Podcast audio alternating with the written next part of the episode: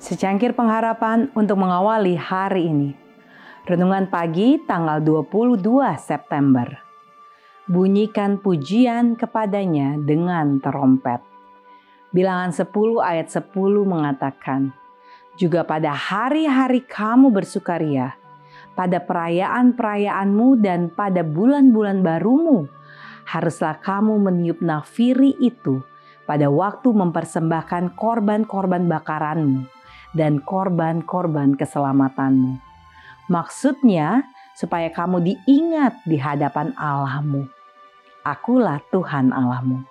Hari Raya Pondok Daun-Daunan merupakan perhimpunan tahunan yang terakhir. Allah merencanakan agar pada saat ini orang banyak merenungkan kebaikan dan kemurahannya. Dari jauh dan dekat orang-orang datang sambil membawa di tangan mereka suatu tanda kegembiraan.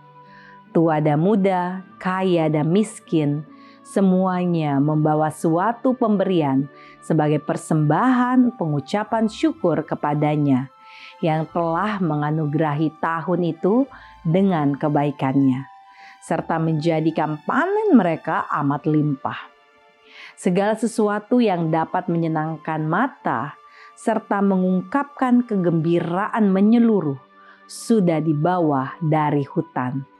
Kota tampak seperti hutan yang indah. Ketika fajar menyingsing, imam-imam meniup nafiri perak itu dengan suara yang panjang dan nyaring, dan nafiri yang menyambut, dan sorak-sorak yang gembira dari orang banyak di pondok-pondok mereka yang bergema di bukit dan lembah menyambut hari perayaan itu. Bait suci menjadi pusat kegembiraan orang banyak. Di sinilah terdapat kebesaran upacara korban. Di sinilah berjejer pada kedua sisi tangga bangunan suci yang terbuat dari pualam putih. Biduan orang Lewi memimpin acara nyanyian. Orang banyak yang datang berbakti sambil melambai-lambaikan pelepah kurma dan murid, menyaringkan suara dan mengembangkan nyanyian bersama.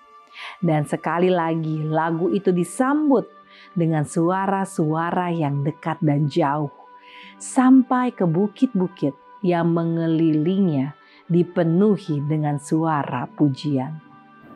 Doa kita hari ini, ya Tuhan, kami memohon agar kebaikan-Mu dapat kami rasakan dan bahkan bergema kepada semua orang. Amin.